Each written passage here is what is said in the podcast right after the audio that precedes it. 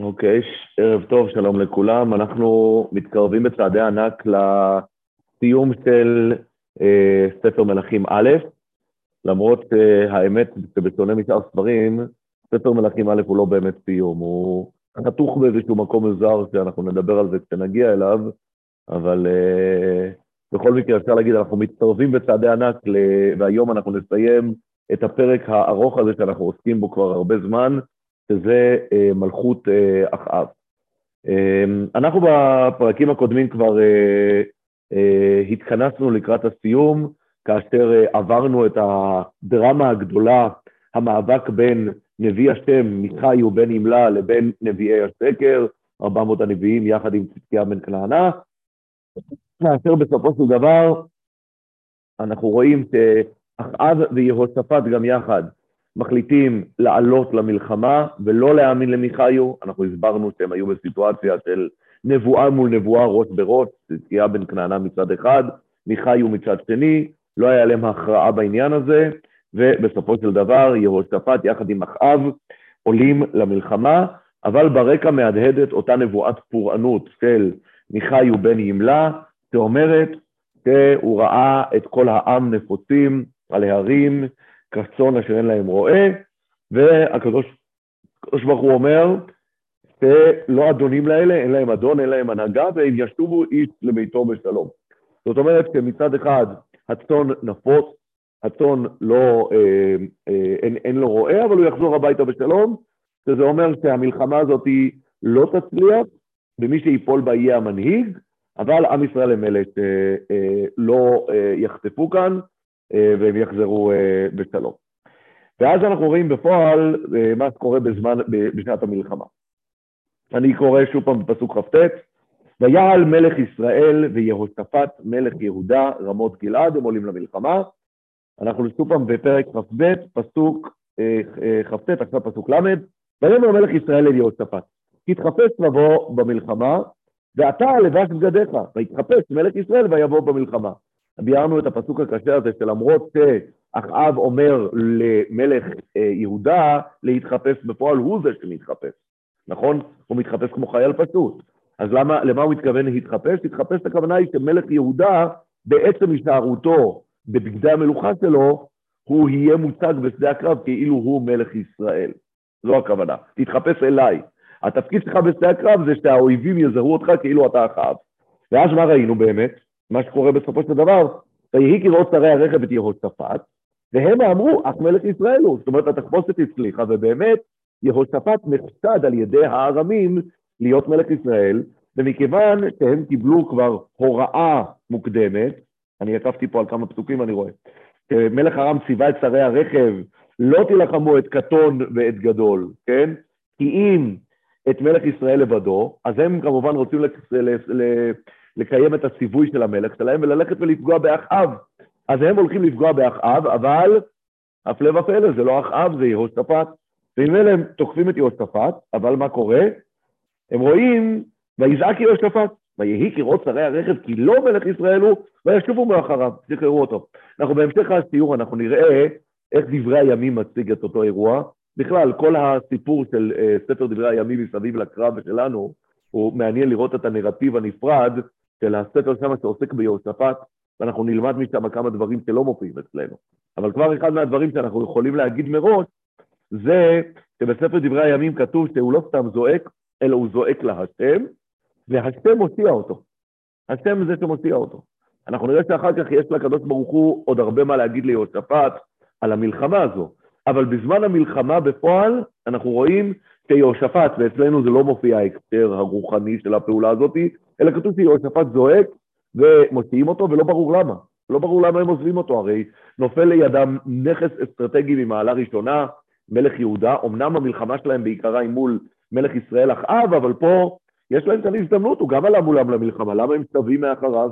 למה הם לא סובבים אותו? אז אנחנו אמרנו שכנראה יש כאן גם נקודה של ברית ישנה בין מלכות יהודה לבין מלכות ארם, מלכות שיהושפט, אה, ברית שיהושפט ירש מאביו עשה, ועשה כרת ברית עם ארם על מנת שיתקפו את ממלכת ישראל מן הצפון, ויכול להיות שיש כאן איזה שהם אינטרסים דיפלומטיים של מלכות ארם להדגיש, לנו אין בעיה עם מלכות יהודה, הבעיה שלנו היא רק עם מלכות ישראל ועם אחאב, ולמרות שאנחנו מבינים שמלך יהודה יצטרף למלך ישראל מסיבות דיפלומטיות או מסיבות משפחתיות, אנחנו יודעים שהם מחותנים זה בזה, אבל אה, אנחנו לא רוצים להסתדר כאן עם אה, מלכות אה, יהודה, והם אה, משחררים אותו. אני חושב שיש כאן גם עוד נקודה בעומק שנשים לב, בסופו של דבר, כל הבעיה של הפרק שלנו מתחילה מזה שאחאב משחרר את בן הדד, נכון? הוא משחרר את בן הדד. אני חושב שיש כאן איזשהו משהו מאוד אירוני, שכשחוזרים כאן למלחמת הנקמה, הרי בסופו של דבר, אם מדברים כאן על רצף האירועים, אז אנחנו הסברנו, מהו רצף האירועים פה?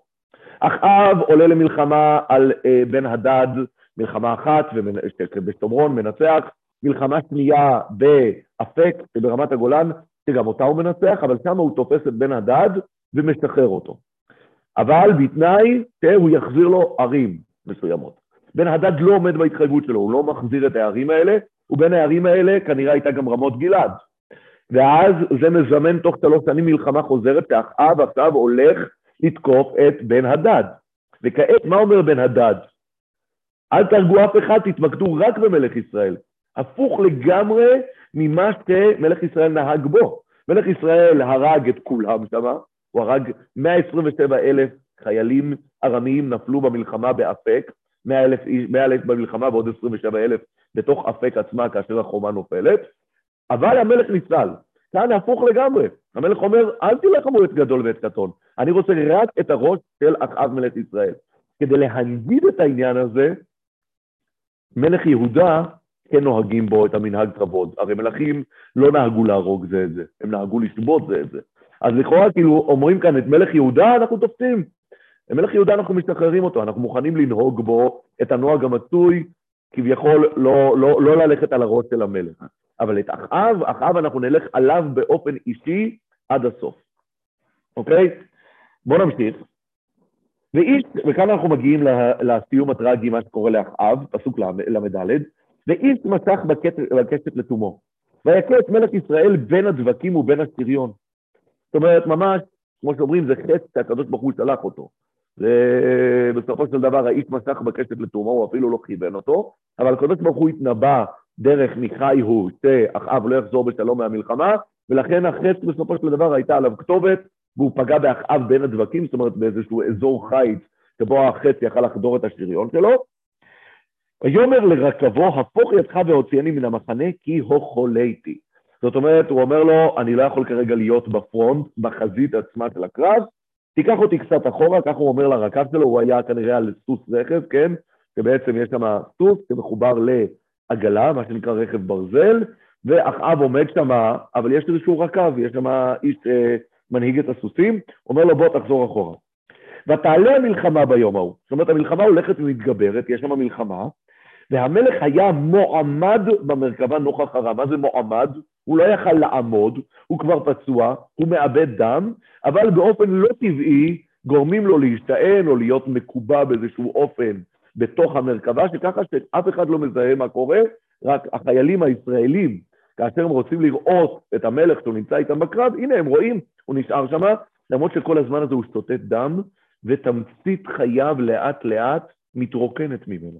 אבל הוא מבין, אחאב, שברגע הזה, אם הוא הולך ועוזב את המלחמה לגמרי, לא יישאר כאן שום דבר. כאשר מלך עוזב, ואגב, זו הסיבה גם שמלך ארם אמר ללכת על הראש שלו, כי בסופו של דבר, כאשר המלך מת, נפסקת המלחמה. אנחנו מכירים אגב את הדוגמה הזאת בצורה הכי מובהקת מאבשלום. הרי אנחנו יודעים שכשדוד המלך יוצא לקרב האחרון מול אבשלום, ביער מחניים שמה, ואחרי המרד של אבשלום, אז מה קורה? הוא נותן הוראה ליואב, אל, תהרגו את, אל תיגעו באבשלום. מה יואב עושה? ברגע שהוא תופס את אבשלום תלוי שם בסובך האלה, נכון, עם השיער שלו באוויר, הוא מיד הורג אותו. ואין ביקורת עליו על זה שהוא עשה, יש הרבה ביקורת על יואב בן צרויה, אבל על זה שהוא הרג את, את, את, את אבשלום אין ביקורת, למה? כי זה ברור לגמרי שברגע שאבשלום מת אין מלחמה. כאשר הולך, המלך מת, אין לחיילים עבור מה להילחם כבר.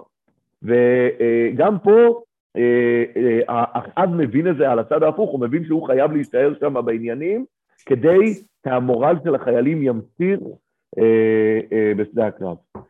ואז מה קורה, ועל כל פנים... ביקשת, הרב נחם, ביקשת ממני לברר כן. על, אז מה ששריון זה, ה, זה הבגד שעל הגוף עצמו. אוקיי. מה שיש הקשקשים זה על הידיים והרגליים כדי שזה יהיה גמיש. והחץ כן. פגע בין הדבקים ובין השריון. הוא פגע בין שני חלקי הלבוש, ששם כנראה... זאת אומרת, מה שנקרא, באזור בית השחי כזה. אזור בית השחי בהחלט יכול להיות, ואכן הפגיעה, אפשר להניח שהייתה פגיעה או שפגע, החץ פגע בבית החזה, mm-hmm. וגרם או לחזה אוויר, מה שנקרא פנוימוטורקס, ואז כן. אה, זה אפשרות אחת, או שיכול להיות שאפילו משם גם פגיעה לאזור הלב, אבל זה הכי סביר שזה מה שקרה, או פגיעה בכלי דם גדול שעובר... בעורק, פגע בעורק. בעורק, נכון, אנחנו רואים, אנחנו רואים שהוא מת בערב, אנחנו לא יודעים באיזה שלב ביום הוא פגע בזה, אבל כמה שעות. הוא פגע בכלי דם גדול שעובר למשל בבית השחי או משהו כזה, הבנתי. והוא דימם, והדם ניגר לתחתית העגלה. וואו, וואו. אז אני אומר, זה באמת, כמו שאתה מתאר, אה, אה, אה, פרופסור גוטליב, תודה על ההסבר הרפואי המלומד, יש כאן סיטואציה שהוא מאבד דם, אבל זה לא מוות מיידי, זה נכון. מוות, מה שנקרא, איטי מאוד. נכון. שוב פעם, אני חושב שהנקודה שחשובה פה כדי להבין, זה שאם הוא היה עוזב באותו זמן, יש סיכוי סביר שהוא יכול להיות שהוא היה מציל, היו חובשים אותו, והוא היה מצליח להינצל. אבל הוא הבין שבמצב הזה אין טעות, והוא בעצם מקריב את חייו למען ההצלחה של עם ישראל בקרב. זה מוות מאוד הירואי, זה מוות שאפשר להגיד שיש כאן מה ללמד זכות על אחאב אה, בעקבות העניין הזה, וגם חז"ל מלמדים זכות על אחאב בעניין הזה. אסור להוציא את החץ במקרה כזה. אהה, אוקיי. אני לא, לא כתוב כאן אם הוציא את החץ או לא. אני לא יודע, אה, אני, אני אומר לא מבחינה רפואית. כן, זה חוס... אתה אומר, כי אז זה פשוט כל אדם אה, נכון, אז פשוט אתה, אתה קובע גם את מה שהיה, ככה זה נשאר בפנים. נכון. אוקיי, אז תודה, תודה על ההסבר הזה באמת. אז אני, אז אני, אני שוב חוזר, יש כאן אה, אה, איזושהי סיטואציה באמת מאוד הירואית שאחאב מקריב את חייו בסופו של דבר למען הניצחון של עם ישראל. ואז שימו לב מה קורה. הוא מצליח לסחוב עד הלילה, ויעבור הרינה, ויצא, שנייה, אני, אני קורא, ותעלה המלחמה ביום ההוא, והמלך היה מועמד במרכבה נוכח ארם, וימות בערב, ויצק דם המכה אל חטא הרקב. זאת אומרת, הוא, הוא, הוא, כמו שאמרנו, הוא ניצוק שמה, הוא, הוא אה, אה, נמצא שם אה, אה, על הרכב, ויעבור הרינה במחנה כבוא, השמש לאמור, איש אל עירו ואיש אל ארצות. זאת אומרת, התמועה עוברת בערב, אחרי שכבר באמת בחסות החשיכה אנשים יכולים להתחמק, בשלב הזה אתם יכולים לחזור הביתה. וימות המלך ויבוא שומרון, ויקברו את המלך בשומרון. ובואו נשים לב מה קורה, ויסטוף את הרכב מסתף, צריך לסטוף, הרכב, אני יודע מי שמטפל ברכבים, ויסטוף את הרכב על בריכת שומרון, וילוקו הכלבים את דמו, והזונות רחצו, כדבר השם אשר דיבר. ויתר דברי אחאב וכל אשר עשה ובית השם אשר בנה וכל הערים אשר בנה, הלא הם כתובים על ספר דברי הימים למלכי ישראל, וישכב אחאב עם אבותיו וימלוך אחזיהו בנו תחתיו. אז כאן אני אומר, אנחנו צריכים לשים לב לכמה דברים. קודם כל, אנחנו יודעים שיש נבואה מאוד ספציפית שאמרה איך אחאב אמור למות. ובואו נחזור לנבואה. הנבואה הזאת היא הנבואה של אליהו הנביא, בסוף פרק אה, כ"א, ומה כתוב שם? בואו נראה. אני קורא בפרק כ"א, פסוק י"ט, אחרי שמגיע אליו אליהו הנביא, אחרי המעשה של כרם נבות, ודיברת אליו לאמור, כה אמר השם, הרצחת וגם ירשת, ודיברת אליו לאמור, כה אמר השם, במקום אשר לקקו הכלבים את דם נבות, ילוקו הכלבים את דמך גם אתה. עכשיו, על פי הפשט, הכוונה היא שבאותו מקום ובאותה צורה. באותו מקום הכוונה היא כאן, כאן בכרם נבות, שאתה בעצמך ירדת לרשת אותו, ואתה כביכול רצחת וגם ירשת פה, פה יתקיים העונש שלך, שהכלבים ילוקו את דמך. אבל הדבר הנוסף שצריך לשים לב אליו, שאמרנו, זה לא רק נוגע למקום. אופן המוות שהכלבים ילקקו את דמו של בן אדם, זה לא הנקודה שהכלבים ילקקו, הנקודה היא שהוא לא יבוא לקבר. כשבן אדם לא בא לקבר, אז נבלתו מוצלחת כדומן על פני השדה, ואז חיות הבר אוכלות, אוכלות, אוכלות אותו, לא עלינו. כן, הוא לא זוכה להגיע לקבר ישראל. וזה הכוונה, שאתה יקרה לך הוא באותו אופן. ואם נשים לב אצלנו, המאורע הזה לא קורה בכלל במקום של כרם נבות. איפה הוא קורה? בבריכת שומרון. והדבר השני שקורה, זה שהמובא לקבורה, מה זה מובא לקבורה? מובא לקבורה גם בכבוד. מה אנחנו רואים? אנחנו רואים שיש לו סיכום רגיל של אה, אה, יתר דברי אחאב, ובסופו של דבר וישכב אחאב עם אבותיו. הוא ממש אה, אה, מקבל כאן סיומת הכי קלאסי שיש למלך. זוכה לקבורה, הוא זוכה להיקבר בנחלת אבותיו, והכלבי, ונבלתו לא מושלכת כדרמן על פני השדה, וזה גם לא קורה באותו מקום שבו אליהו הנביא אמר שזה יקרה. אז על פי הפשט יכול להיות שיש כאן תירוץ יחסית פשוט, וזה קשור למילה במקום. מה הפירוש של המילה במקום? אני אתן לכם דוגמה. תפתחו בהושע. בספר הושע, בתריעשר, אז אנחנו רואים בהושע פרק ב', אני רוצה להקריא לכם פסוק, שייתן לכם קצת את ההסבר למשמעות של המילה פה במקום. אני קורא את פרק ב', פסוק א', זה הפטרה ידועה. והיה מספר בני ישראל כחול אשר לא יימד ולא יספר, והיה במקום אשר יאמר להם לא עמי אתם, יאמר להם בני אל חי. אז מה זה במקום? כמו שאנחנו משתמשים בזה בעברית המודרנית שלנו. במקום הכוונה היא כתחליף. וגם פה יכול להיות שזו הכוונה, אם תראו, אני קורא, זה, קורא שוב פעם את הנבואה של אליהו הנביא, אז יכול להיות שהמשמעות היא אחרת. במקום הכוונה היא לא באותו מקום, אלא בואו נראה את, אה, את המשפט הזה שוב פעם.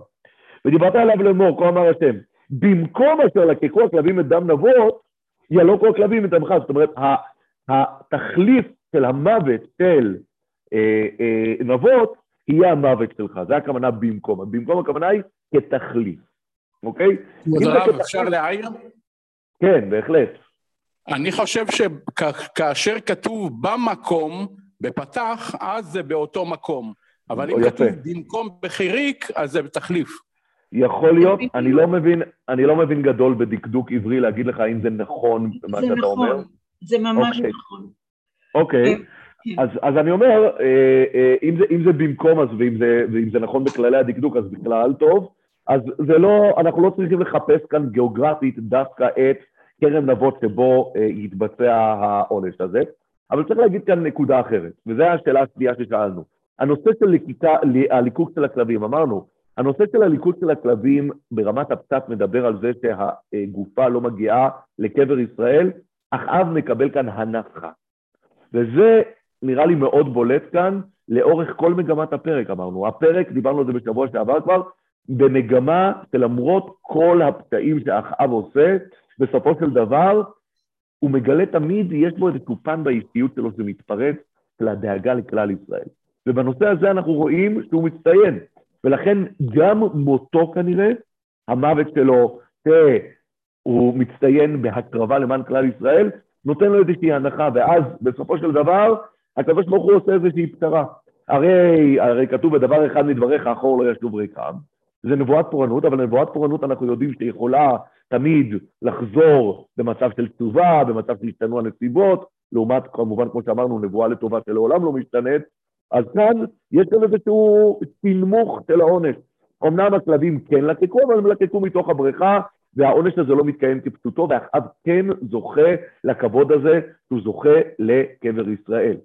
ובסופו של דבר, אנחנו אה, יכולים לראות ש...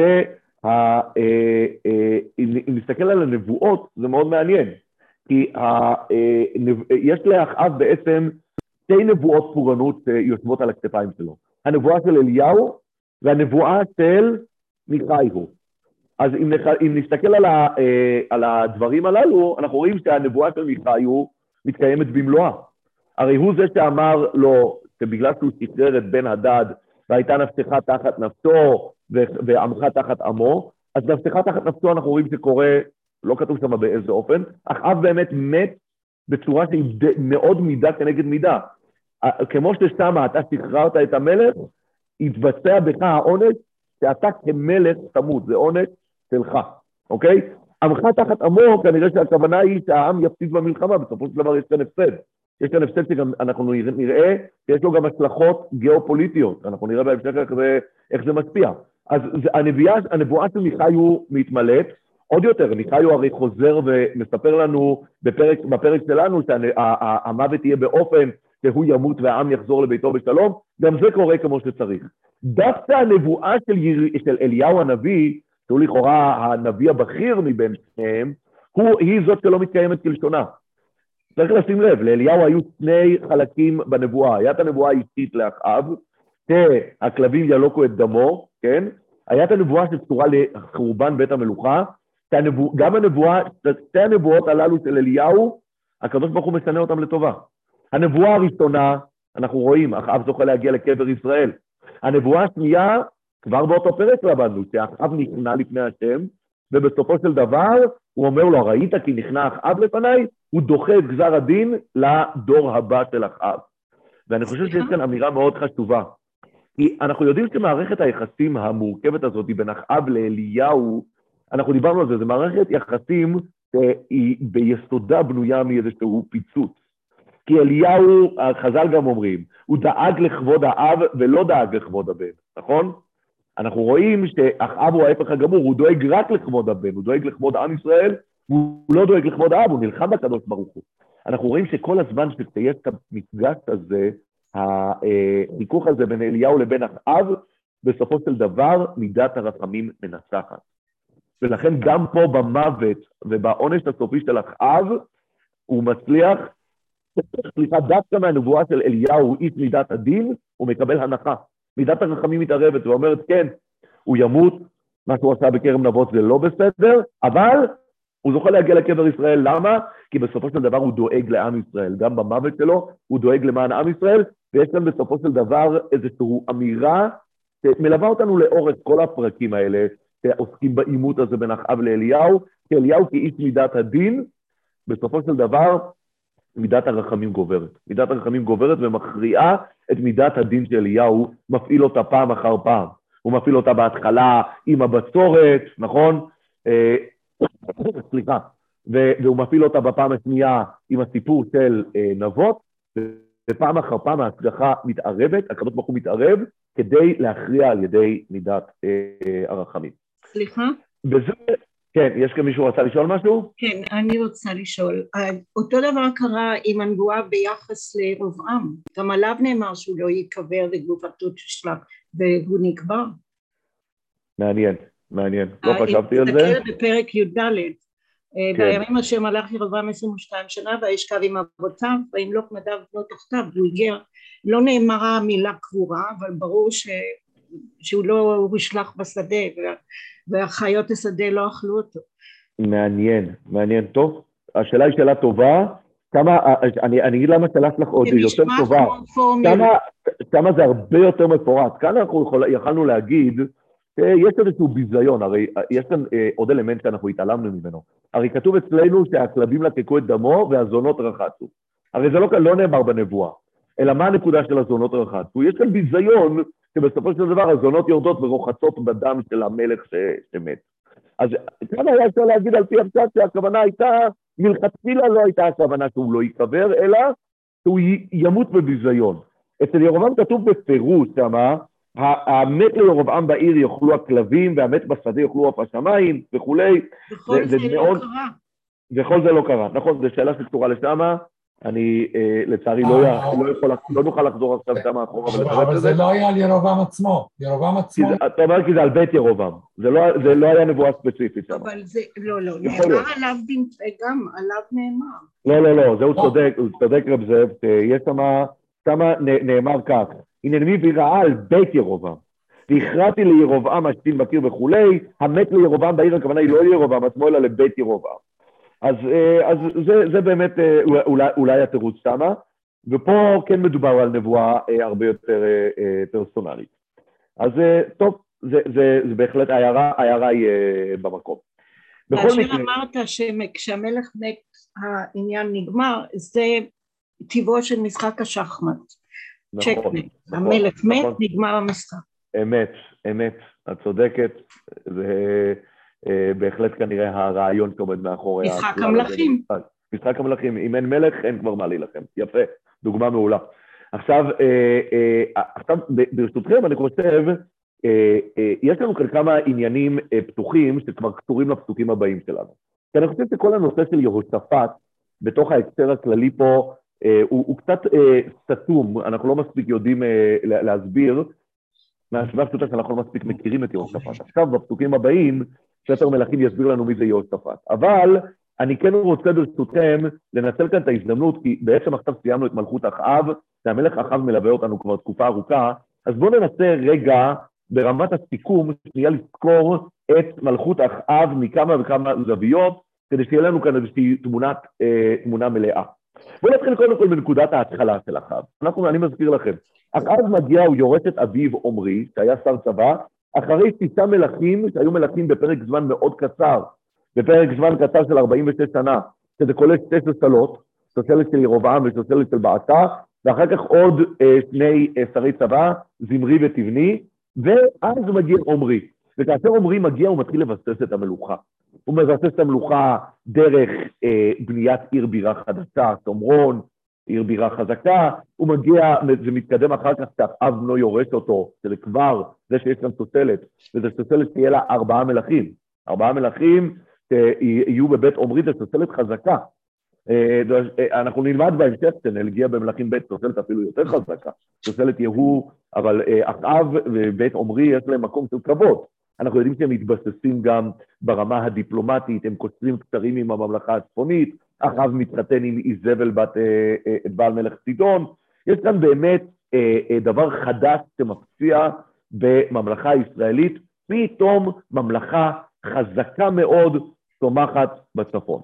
ואנחנו צריכים להבין שהיא צומחת אחרי תקופה קשה מאוד, שהממלכה הישראלית סופגת אה, אה, גם מצפון קיבוצים אה, אה, וכהנה וכהנה. זה בעצם, אפשר להגיד, התקופה הראשונה שבה הממלכה הישראלית מגיעה לאיזשהו סוג של ביסוס, רווחה, התרחבות אה, אה, משמעותיים. ודווקא בשלב הזה, כשזה מגיע, אנחנו רואים, וכאן אנחנו עוברים למצב הרוחני. בעצם במצב הרוחני, אנחנו מדברים כאן על ממלכה שחורטת על דגלה את המלחמה בקדוש ברוך הוא. זה עובר דרך חיאל בית האלי שראינו שרוצה למחוק את האנדרטה של יריחו, האנדרטה של יהושע מותיר אה, של כיבוש הארץ, זה ברדיפה של הנביאים על ידי איזבל, אנחנו רואים שאליהו כשהוא מופיע ומה אה, אה, שנקרא נכנס לזירה, אליהו נכנס לזירה שבה בעצם יש מלחמה חזיתית בקדוש ברוך הוא, הדת הרשמית של ממלכת ישראל זה פולחן הבעל, ואז בסופו של דבר הוא נאלץ אה, אה, לסגור את הברז, בצורת, שלוש, שלוש שנים שאין גשם, עד שהוא חוזר כדי לחנך את ממלכת ישראל, וזה עובר דרך מעמד הר הכרמל, המעמד האדיר הזה שבו כל עם ישראל רואה פתאום בצורה מוחשית שהקדוש ברוך הוא מנצח את הבעל בנוקאוט, ונופלים על פניהם וזועקים השם הוא האלוהים, השם הוא האלוהים, אבל אנחנו, כמו שאנחנו יודעים, זו תשובה יותר מדי אינסטנט, היא לא מחזיקה מעמד, ובסופו של דבר אליהו נאלץ לברוח אה, למדבר, כי המצב בממלכת ישראל לא באמת משתנה בצורה הזאת. יש אולי איזשהו שינוי, אבל זה שינוי שנחשב עדיין שינוי אה, קוסמטי. אבל בסופו של דבר אליהו לא מתאים להתנהל מול הממלכה הזאת, אליהו כאיש מידת הדין לא מתאים להתמודד מול הסיטואציה הזו, ולכן הוא מודח. הוא מודח לו במקומו ממונה אלישע, את אלישע אנחנו נפגוש עוד מעט בהמשך במלכים ב', אבל אנחנו כבר לומדים מיד אחר כך שיש נביא אחר שנכנס לזירה, שזה מיכאי הוא, כי אליהו, עדיין הקדוש ברוך הוא שומר אותו למה שנקרא לשליחויות מיוחדות. מתי? כאשר הוא מפעיל אותו על אחאב בעקבות המעשה של כרם נבות. שאגב, חייבים להבין, המעשה הזה של כרם נבות הוא מעשה שהוא מנותק מהקונטקסט ההיסטורי של הסיפורים שלנו. כי הרי הסיפורים שאנחנו עוסקים בהם מבחינת הרצף ההיסטורי זה שלוש קרבות, כן? אה, שלושה קרבות של עם ישראל מול אה, ארם, אה, הם די ברצף. הסיפור של נבות הוא סיפור פרטי, לכאורה, בין אליהו לבין אחאב. לא בטוח שיש מישהו בעולם בכלל שיודע חוץ מאליהו ואחאב על הנבואה, אבל הקדוש ברוך הוא שולח את אליהו כנבואה פרטית לאחאב, כאשר הנביא שפועל כאן בצורה הציבורית זה לא אליהו, זה מיכאי הוא, שמלווה את אחאב בקרב הראשון שלו מול, אה, אה, אה, מול ארם, והוא אומר לו שהוא ינצח, גם בקרב השני הוא אומר לו שהוא ינצח, ובסוף הוא גם מביא לו את נבואת הפורענות על זה שהוא משחרר את בן הדד. אנחנו ראינו עצם זה שמיכאי הוא יכול להתנבאות, כן, וזה שיש שם עוד נביא בפרק שאנחנו רואים, ושיש כבר, הנביאים מרגישים כנראה קצת יותר חופשיים בתוך ממלכת ישראל, כי אומנם בשלב הראשון איזבל מחריטה אותם, ועובדיהו אשר על הבית צריך להחביא אותם, אבל יכול להיות שהרצועה קצת הותרה. יכול להיות שהם קצת שחררו, אבל עדיין אליהו נחשב פרסונה נונגרדה בתוך ממלכת אה, ישראל. ובסופו של דבר, אחאב, אנחנו רואים, וזה מגיע לשיא אה, בפרק אצלנו, בוחר להפעיל כאן נביאי אה, שקר. אנחנו רואים שהוא לא אוהב את מיכאי, הוא, הוא אומר שהנביא הזה תמיד הולך נגדו, מדבר עליו, לא ידבר עליי טוב, אה, טוב כי אם רע, אה, ובסופו של דבר, כשאנחנו כאן מסיימים עם אחאב, אנחנו רואים שהמצב עכשיו זה, יש כאן לכאורה איזשהו חיזוק. אנחנו רואים שהנבואה הזאתי, נבואה אחת מול 401 נביאים, היא הנבואה שקורית. היא הנבואה שקורית ויש כאן לכאורה קידוש שם שמיים גדול שנותן את ההוכחה לנבואת מיכאיו שהיא הייתה אה, אה, נבואת אמת. אז זה, זה המצב הרוחני אה, שיש כאן בדבר הזה. חייבים גם לציין שמבחינת אחאב, כמו שראינו, גם בפרק שלנו אנחנו רואים כמה וכמה הנחות שהוא מקבל. עצם זה שהוא מקבל אזהרה מראש על הקרב, אמרנו, זה כבר הנחה. זאת אומרת שהוא יכל להימלט מגורלו. הוא עונה לקרב והוא בעצמו מקריב את עצמו למען עם ישראל, הוא מקבל כנראה גם הנחה בעונש. אז יש כאן באיזשהו מקום, אנחנו רואים שכל הזמן שאחאב דואג לעם ישראל, זה משחק לטובתו. ואנחנו אמרנו את זה ככלל, הגשמיות של עם ישראל היא רוחניות. גשמיות של כלל ישראל זה נושא רוחני. וכשאחאב דואג לכלל ישראל, יש לזה גם משמעויות רוחניות שבסופו של דבר באות לידי ביטוי בזכויות ובעונשים שאחאב מקבל. ואם נוסיף כאן אולי עוד איזושהי זווית סיכום על ממלכת אחאב, בואו נסתכל ברמה הגיאופוליטית, כן? מדובר כאן על ממלכה חזקה, שכורתת בריתות גם עם הצפון וגם עם הדרום. הוא כורת ברית עם ממלכת אה, יהודה, הוא כורת ברית עם ממלכת צידון, הוא יודע ליזום מלחמות מול ארם, ויש אה, אה, לו מלחמות מול ארם שהוא מנצח אותם. אנחנו יודעים, אגב, ברמה החוץ-מקראית, שהוא שותף לקואליציה שנלחמת ובולמת את שלמנסר, מלך, השלישי מלך אסור, שעולה כאן על, ה, על, ה, על האזור כדי לכבוש. גם הסיומת שלו, הוא אמנם מפסיד במלחמה פה מול ארם, אבל זה הפסד במחירים די נמוכים. זאת אומרת, אנחנו לא רואים שארם בעקבות הדבר הזה הולכים ופולטים ו... ומבצעים כיבושים, אלא הם בלמו את אחאב וזה מספיק להם. אז בסופו של דבר ברמה הגיאופוליטית, אחאב בהחלט אפשר לתת ציון מאוד גבוה למלכות שלו. אני חושב שהנושא הכי מרכזי, וכאן זה הנושא, וזה הכוח של אחאב, זה לאורך כל הדרך יש דאגה לכלל ישראל, דאגה כנה. אנחנו יודעים שכשיש בצורת, הוא הולך בעצמו לחפש אוכל. נכון, יחד עם עובדיה, אולי נחייב סוס ורכב, הוא הולך לחפש אוכל ומזון לכלל ישראל. כשהוא פוגש את אליהו, הוא מאשים אותו. הוא קורא לו עוכר ישראל, מה זה עוכר ישראל? בגללך אליהו שסגרת את הברז ואין גשם, עם ישראל סובלים, נכון? אנחנו יודעים שיש לו אה, אה, ברית עם ממלכת יהודה שמעבר לערך הפוליטי, הגיאופוליטי שדיברנו עלי, על, עליו, יש כאן אמירה, שעם ישראל צריך להיות ביחד, אב מאמין באחדות של עם ישראל. זה מול ממלכה שדור לפני, לפניהם היה מלחמת אחים בין ממלכת ישראל לממלכת יהודה. היה ממלכת, מלחמת אחים כל כך נוראית, שאבא של יהושפט היה צריך לזכור את הארמים, לשחד אותם, אנחנו דיברנו על זה עם כל השלל הגדול שהוא אה, לקח מקושי, אה, אה, זרח בן קושי, שכחתי את השם שלו, של המלך המצרי, שהוא שולח אותו... שישה. מה? שישה. ששק. נכון, נכון, והיה עוד, עוד קרב שמה, אבל הוא, הוא משחד, הוא משחד את, את, את, את הממלכה הצפונית, תשימו לב, הוא צריך לשחד ממלכה זרה כדי להילחם בממלכת ישראל, היה כל כך הרבה מתח בין שתי הממלכות, ופתאום עובר דור אחד, הבן יהושפט במצב של ברית מול אחאב, ובעיקר מגיע מהצד של אחאב, הכוח הגדול שלו של האחדות, וזה עומד, עומד לזכותו, חז"ל אומרים, הסיבות שאחאב נוצח במלחמה מול ארם זה בגלל האחדות הזאת. אנחנו רואים גם בקרב הראשון של אחאב מול ארם, הסיבה שהקדוש ברוך הוא מסייע לו זה כי הוא דואג לכבוד של כלל ישראל. הוא לא מסוגל לראות שמלך ארם אומר, אני אבוא ואני אקפיל אתכם. הוא מתייעץ שם עם הזקנים, ואומרים לו, אסור להסכים להשפלה הזאת. והוא הולך שם כנגד הטבע וכנגד ההיגיון מול ממלכה שכנראה היה לה כוח. אנחנו רואים, זו ממלכה שמגיעה לסור על שומרון, הממלכה הארמית צברה כוח, אבל אחאב מבין שעל הכבוד של עם ישראל לא מתפשרים, כן?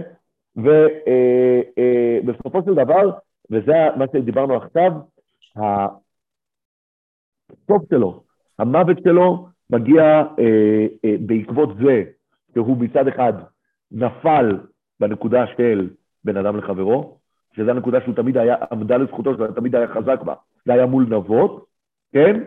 והמוות אה, שלו בעצמו מספר את הסיפור של אחאב. המוות שלו בעצמו מספר את העניין הזה של אה, אה, להקריב את עצמי למען כלל ישראל. ואני ראיתי כאן מישהו כאן כתב, כותב, כותב כאן בהערות, וזה באמת הנושא הבא שאני רוצה לדבר עליו,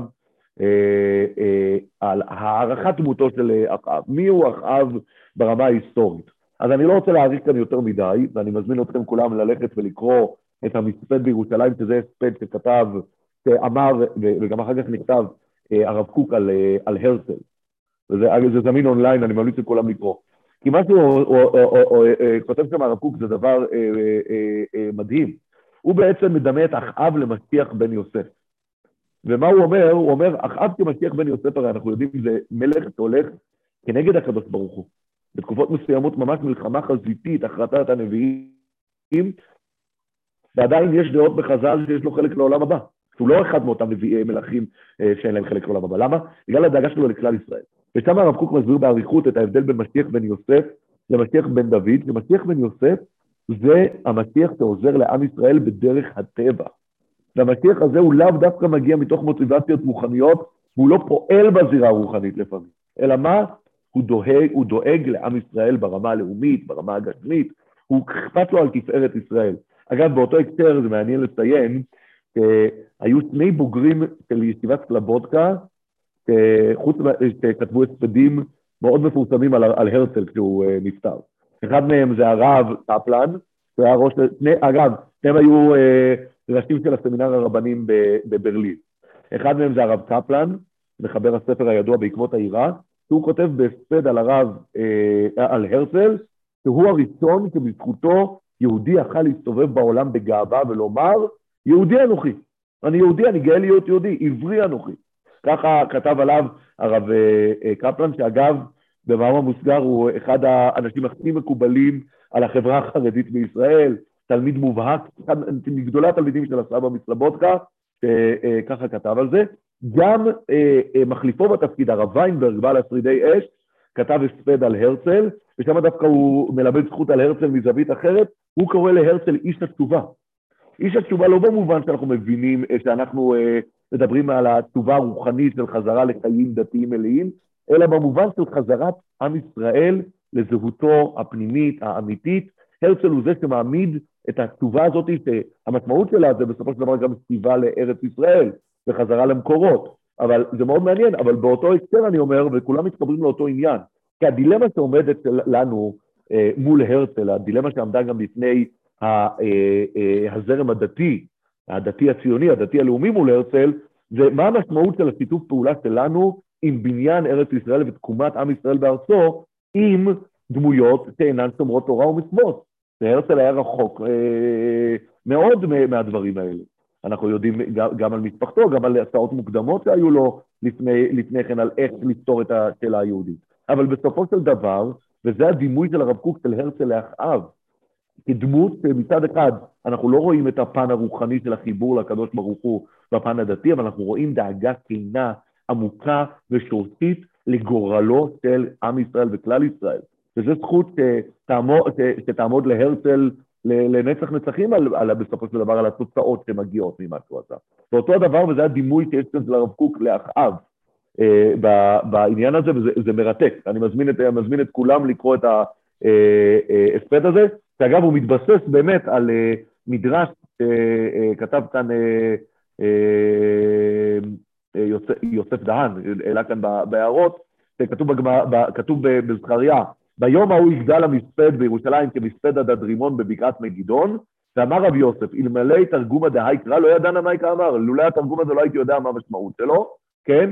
ושם יש את תרגום יונתן שאומר, ביום ההוא, יזכה מספדה בירושלים, יגדל המספד בירושלים, כמספדה דאחאב בר עומרי, דקתל יתי הדדרימון בן תברימון ברמות גולן. זאת אומרת, המשמעות של הפסוק הזה בזכריה זה שיהיה מספד גדול, כמו ההספד שזכה לו אחאב, שהרג אותו הדד מלך אה, אה, ארם, וכמו ההספד וכמספד על יאשיהו בן עמון, שהרגו פרעה נכו בבקעת מגידו. בעצם הגמרא שלנו מדמה את אחאב ליאשיהו, וזה מאוד מעניין, כי יאשיהו היה מלך צדיק, אבל הוא מת בצורה מאוד מאוד דומה לאחאב. שניהם עלו למלחמה יזומה נגד מישהו, כנגד עצת נביא, אצלנו, שם זה היה אה, ירמיהו, פה זה מיכאיו, ושניהם בסופו של דבר נופלים אה, אה, בשדה הקרב, אבל אומר הרב קוק, מה הדימוי של הפסוק בין שני האנשים הללו? ישעיהו הוא הדמות של אה, משיח בן דוד, והוא באמת גם מזרע דוד ישעיהו, כן? אה, אבל הוא, הוא המלך הרוחני, הוא המלך שעושה רפורמה דתית מקיפה בעם ישראל, לעומת אחאב, שהוא מלך שרחוק מישעיהו, מרחק אה, אה, מזרח אה, ממערב, אה, אבל אה, הוא, הוא דואג לכלל ישראל, הוא דואג לגשמיות של כלל ישראל, ללאומיות של כלל ישראל, ולכן הפסוק משווה אותם, על פי הגמרא, את יושיהו לאחאב, כי הם שניהם פועלים למען כלל ישראל אה, בדרכים שונות ומגוונות. עכשיו, הדבר הבא, ובעזרת השם שיעור הבא אנחנו כבר נוכל לברך על המוגבר ולסיים את מלכים א' ולעבור למלכים ב', אנחנו בשיעור הבא בעזרת השם ניכנס לנקודה של יהושפט פה בתוך העניין, כי אנחנו פוגשים כאן את יהושפט בתחילת הדרך, איך שהוא מצטרף כאן לאחאב. אנחנו רואים שהוא נמצא כאן ברקע, ובאופן מוזר באמת הוא מצטרף לקרב, כמו שאנחנו רואים. אנחנו רואים שבתוך הקרב הוא עובר איזושהי אפיזודה מאוד קשה. תוקפים אותו והוא ניצל ברגע האחרון, אבל אנחנו נראה אצלנו, אנחנו, בשיעור הבא אנחנו נקרא את זה, יש כאן איזה 11 פסוקים שהספר אה, אה, מלכים מקדיש ליהושפט, מאוד מאוד לקוני, לא מרחיבים יותר מדי את היריעה. בספר דברי הימים יש שלושה, ארבעה פרקים מלאים שעוסקים בדמותו של יהושפט, שמדברים גם על הקרב שלנו, אבל אנחנו נלמד שמה שהם גם נכנסים לתוך הסיפור של הקרב שלנו ומדברים על ההצלה של יהושפט מזווית אחרת, וגם מוסיפים לנו עוד כמה וכמה אירועים וסיפורים שקורים בעקבות הקרב הזה, שמעצבים בעצם אה, הרבה מהדמות של יהושפט בעקבות הקרב הזה, בעקבות נבואות שליוו את הקרב הזה, אבל על זאת ועוד אנחנו בעזרת השם נלמד בשבוע הבא. תודה רבה לכולם.